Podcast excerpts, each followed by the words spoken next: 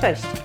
Nazywam się Anna Zdzieszyńska i zapraszam Cię do wysłuchania podcastu Końska Dawka Rozwoju. Podcast ten jest o rozwoju i dla osób, które chcą się rozwijać, a konie są bohaterami historii i tłem do pytań, które mogą Ciebie zainspirować do pracy nad sobą. Cześć. Dzisiaj temat starości i z mojego doświadczenia często związana z tym niechęć do zmian. Ale na początek konie. No miałam taką okazję doświadczać starości koni i to nie tylko swoich, ale też tych koni, które mieszkały w mojej stajni, czy teraz mieszkają w mojej stajni. Przede wszystkim obserwowałam starość mojego pierwszego ukochanego konia bursztyna, który, jak ja bym to nazwała, starzał się z godnością do pewnego momentu. Do takiego momentu, kiedy już widziałam, że oko mu tak zaczęło przygasać i właściwie dość nagle zaczął być chudy, apatyczny, pojawiły się u niego kłopoty z ruchem, mało pił, zaczynał mieć różnego rodzaju dolegliwości. Najtrudniejsze u bursztyna akurat były problemy z zębami. No, koniak nie ma zębów, a jemu zęby zaczęły wypadać, no to właściwie już ta starość jest głęboka, bo nie bardzo ma jak pobierać paszę, jak ją rozdrabniać. I to już tak naprawdę od diagnozy z zębami był bliski koniec bursztyna.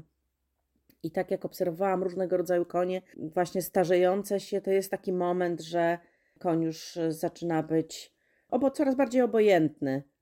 Nawet bym powiedziała, że mało płochliwe, no takie trochę jakby im się nie chciało, ale to chyba faktycznie jest oznaka gasnącego życia. Miałam też okazję obserwowania ludzi, którzy się starzeli, i miałam możliwość opiekowania się ludźmi, właśnie już w głębokiej starości i jeszcze w chorobach. I jest bardzo podobnie, jeśli chodzi o tę sferę y, fizyczną. Natomiast dzisiaj o starości też chcę porozważać jako starości, która jest stanem ducha. Bo spotykam się często, ostatnio przynajmniej, z młodymi ludźmi, u których widzę totalną niechęć do zmiany. Chcą trwać przy tym, co jest po prostu i w dość dużej obojętności. Czyli to, co widziałam u osób starszych, to obserwuję teraz u młodych, ciałem dynamicznych ludzi, czyli starość jako stan ducha. I myślę, że taka starość jako stan ducha absolutnie jest nierozwojowa w tym sensie, że osoby, które są stare duchem, nie rozwijają się. Ta starość duchem objawia się często w takich słowach, przynajmniej ja słyszę takie słowa, a zawsze tak było, a nie może tak zostać. A po co to wszystko?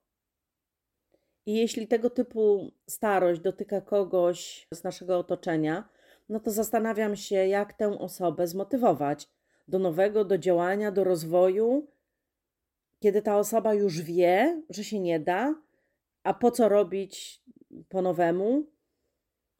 No na razie takie rozważania nie, nie na temat, jak, jak motywować, i, i pewnie jakiś ciąg dalszy będzie, co, co z tym robić, ale na początek warto zdiagnozować i zachęcam Ciebie do autodiagnozy.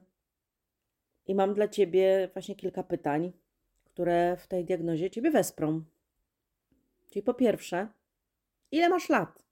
Ale w sensie ducha, chęci, energii, otwartości.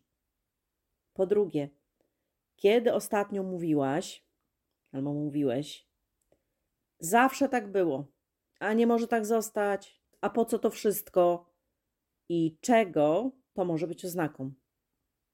I po trzecie, co zrobisz dziś, żeby duchowo, umysłowo odmłodnieć? Zostawiam Ciebie z tymi pytaniami w nadziei, że pokiełkują odpowiedzi, które dadzą Ci młodość, młodość ducha. Dzięki za dziś. Pozdrawiam serdecznie. Cześć.